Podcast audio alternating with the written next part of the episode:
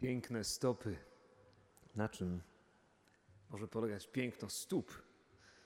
Bez wchodzenia w detale, bo się nie znam. One mogą być zużyte, zakurzone, ale piękne. Piękne, bo należą do pięknego człowieka, który z sobą oznajmia coś niesamowitego, coś pięknego. W tym obrazie z Izajasza, który potem święty Paweł wkłada w list do Rzymian, a my dzisiaj słyszymy, chodzi o Herolda, który przybiega z pola bitwy i oznajmia mieszkańcom miasta, że król zwyciężył. Nasi zwyciężyli. Jesteśmy wolni. W historii bibliści mówią, że to zostało zapisane w czasie, kiedy Izraelici spodziewali się wolności, powrotu do Jerozolimy z wygnania w Babilonie.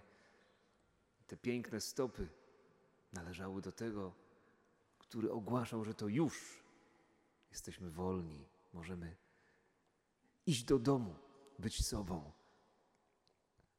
Piękne stopy.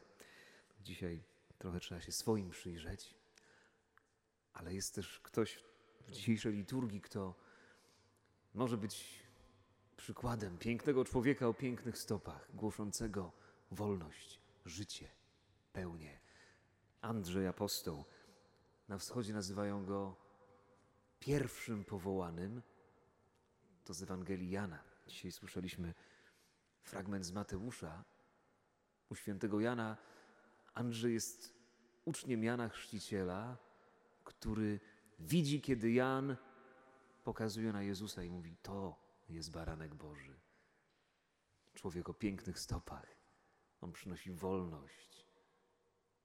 Wtedy Andrzej i jakiś drugi człowiek idą od Jana za Jezusem. Ten się odwraca, pyta, czego szukacie. Oni mówią, panie, gdzie mieszkasz?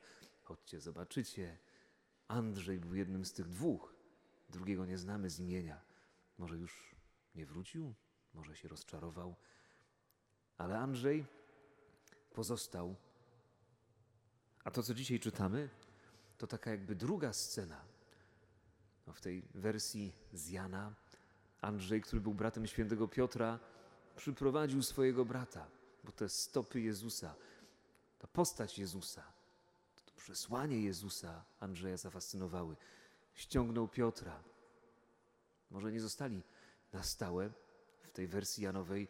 To jest trochę tak, że Jezus chodzi i tak różnych ludzi zaczyna zapraszać. Oni tak przychodzą, przyglądają się. I mamy wersję z Mateusza dzisiejszą, kiedy jeśli chcemy zsynchronizować te dwie, to mamy takie radykalne powołanie. Andrzej z Piotrem, bracia, rybacy, dalej robią to, co robili zawsze. Żyją swoje życie. A tu piękne stopy Jezusa go przyniosły prosto nad jezioro, tam gdzie Andrzej z Piotrem żyją swoje życie. I teraz mówi: Pójdźcie za mną, a będziecie jeszcze bardziej żyli.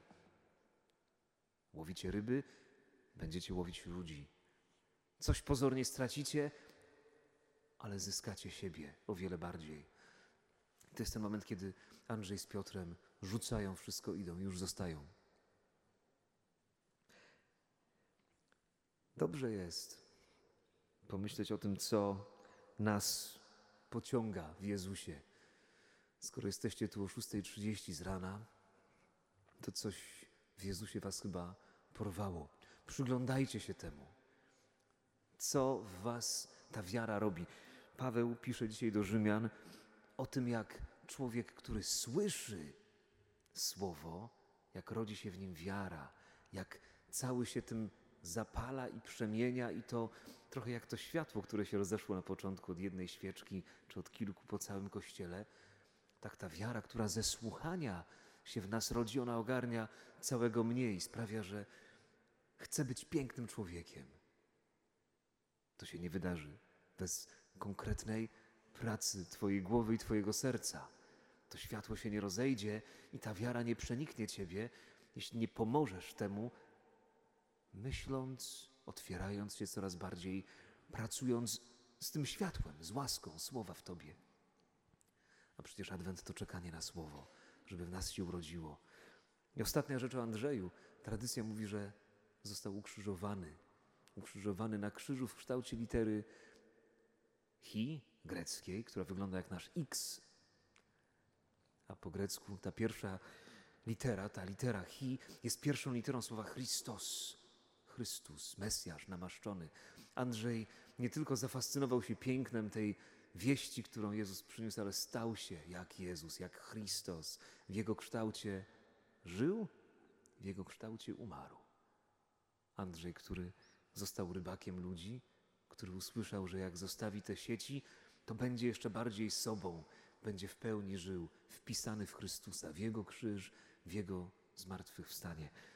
Szukajmy tego słowa, tej wiary, tego piękna, które w nas dokona tej przemiany.